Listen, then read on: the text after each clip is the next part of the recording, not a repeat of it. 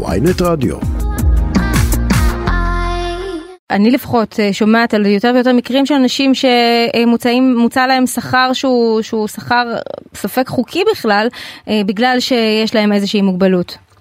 אז בואי אני אתן לך פה כותרת קטנה. המפלה הכי גדול של אנשים עם מוגבלות בישראל היא...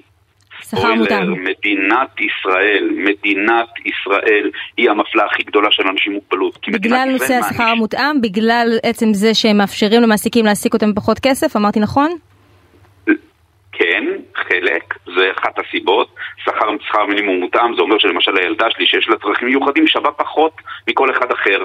כי אפשר להגיד שהיא, התפוקה שלה היא 30 אחוז, 40 אחוז, 50 אחוז, שזה דבר הזוי. הדבר השני זה כמובן כל הנושא של השיקום, שזה עבדות מודרנית, שאנשים מקבלים שכר של חמישה שקלים לשעה עבור תוצרים של אלף, שמוכרים אותם באלף או אלפיים שקלים, עבדות נטו, והדבר הכי משמעותי הוא עולם הדיסריגרד. כלומר, המדינה אומרת לאדם עם מוגבלות, כשאתה מתחיל לעבוד, אנחנו מענישים אותך, אנחנו לוקחים לך חלק משמעותי מקצבת המוגבלות שלך. זאת אומרת, אה, אה, פעם זה היה, כשהתחלנו את המאבק זה היה 1,900 שקלים, זאת אומרת מ-1,900 שקלים מתחיל חוק כלים שלובים של אה, ביטול הקצבה, ועכשיו זה עלה ל-5,300 שקלים, שצריך להגיד כל הכבוד לממשלה, כי זה כמעט שכר מינימום. אבל עדיין המדינה אומרת לאדם עם מוגבלות או בואי נגיד כשאת ואני מתחילים לעבוד, אנחנו שואלים כמה נרוויח. כשאדם עם מוגבלות מתחיל לעבוד, הוא שואל כמה נפסיד, כמה אני מפסיד. זאת אומרת, יש פה שלושה מנגנונים עיקריים. אגב, יש עוד חוק במדינת ישראל, תקשיבי אם את יושבת, את בטוח יושבת עכשיו, יש חוק במדינת ישראל שאומר שלאנשים עם מוגבלות נפשית אסור לעבוד בגני ילדים. חוק במדינת ישראל, שנת 2022, הדבר הזה קיים עוד מעט. כן, עכשיו, זה אפליה של המדינה. עכשיו, אני, אני אגיד לך משהו. מעבר לדברים האלה, נכון, לפעמים משלמים להם פחות, אבל החוק הזה, הדיסריגרד הזה, גורם לאנשים עם מוגבלות לרצות לעבוד בשחור. עכשיו, את יודעת מה קורה למי שעובד בשחור? הוא א', שקרן ורמאי, ב', הוא לא, אין לו שום זכויות סוציאליות שמשולמות נכון. לו, וג', אפשר לעשות לו מה שרוצים, כי הוא בעצם לא קיים. עכשיו, החוק בעצם או, או מעביר אותם לעבוד בצורה כזאת.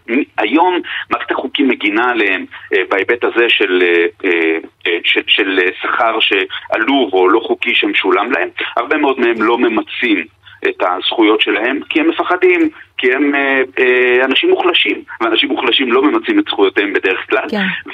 אני, אני חייב להגיד לך עוד דבר אחד, שאנחנו מתמקדים, כי יש פה שני סוגים של מעסיקים. יש את המעסיק הממשלתי, זאת אומרת של שירות המדינה, גופים ממשלתיים, שאנחנו בתחילת הדרך, לפני שבע שנים, אה, אה, יזמנו חוק שמחייב שילוב של חמישה אחוז עובדים עם מוגבלות בכל גוף ממשלתי, מתוך הבנה שהגופים הממשלתיים, שם מתקבלות כל ההחלטות לגבי אנשים עם מוגבלות, ואז אנחנו בעצם מייצרים מצב שבו הם שותפים לתהליכי קבלת החלטות.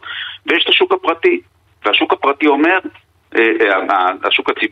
המגזר העסקי, מה שנקרא, אה, חנויות, עסקים, ארגונים פרטיים או ציבורים, ואנחנו אומרים, אני כהורה לילדה עם צרכים מיוחדים, שמי שלא יעסיק אנשים עם מוגבלות, כן. בשוק, בשוק הזה, אני לא אקנה אצלו פשוט. מי שמדיר את הילדים שלנו, את האנשים שלנו, אנשים עם מוגבלות, אנחנו נדיר אותו ונפעיל את הכוח הצרכני שלנו עליו. זאת אומרת, זה דרך שאפשר להתמודד עם העניין הזה. אורן, אני, אני מקווה, כן, אני לא יודעת, אני מקווה שיש מעסיקים פוטנציאליים שמקשיבים לנו עכשיו.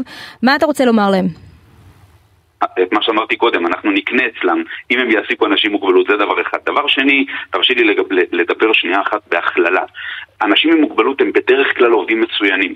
עכשיו, אני מדבר מניסיון כמי שהוא מנהל גם בגוף, אה, בחברת חשמל. האנשים האלה אה, אה, הם פרטים שונאי סיכון, ולכן הם מחפשים טווח ארוך, אופק, להעסקה שלהם. וגם בתפקידים שוחקים, כמו תפקידי שירות ותפקידים אחרים, הם אנשים שבאים ולא מחפשים לעזוב. זה דבר אחד, ובייחוד בתקופה כזאת, אגב, ש, שיש לנו, שיש קושי למצוא עובדים אחרי פוסט קורונה וכל הדברים האלה, אנשים, שם נמצא הפרטו של כל מעסיק. הדבר השני הוא שהאנשים האלה הם בדרך כלל, עוד פעם, בדרך כלל אנשים ישרים והגונים, שיש להם נאמנות ארגונית גבוהה מאוד, והכרת הטוב, אלה נכס, זה נכס, כל האלה הם נכסים גדולים מאוד אצל עובדים. אז תחשבו שבעצם כשאתם מעסיקים אנשים עם מוגבלות, אתם מחזיקים עובדים מצוינים. אל תעסיקו אנשים עם מוגבלות כי אתם מרחמים עליהם, כן. או כי אתם חושבים שהם, אה, אה, ש, ש, ש, שהם, שהם מסכנים ואומללים. והדבר הנוסף שאני אגיד זה שהמשק הישראלי מפסיד כל שנה חמישה מיליארד שקלים, זה מחקרים של משרד הכלכלה ושל מבקר המדינה אימץ אותם,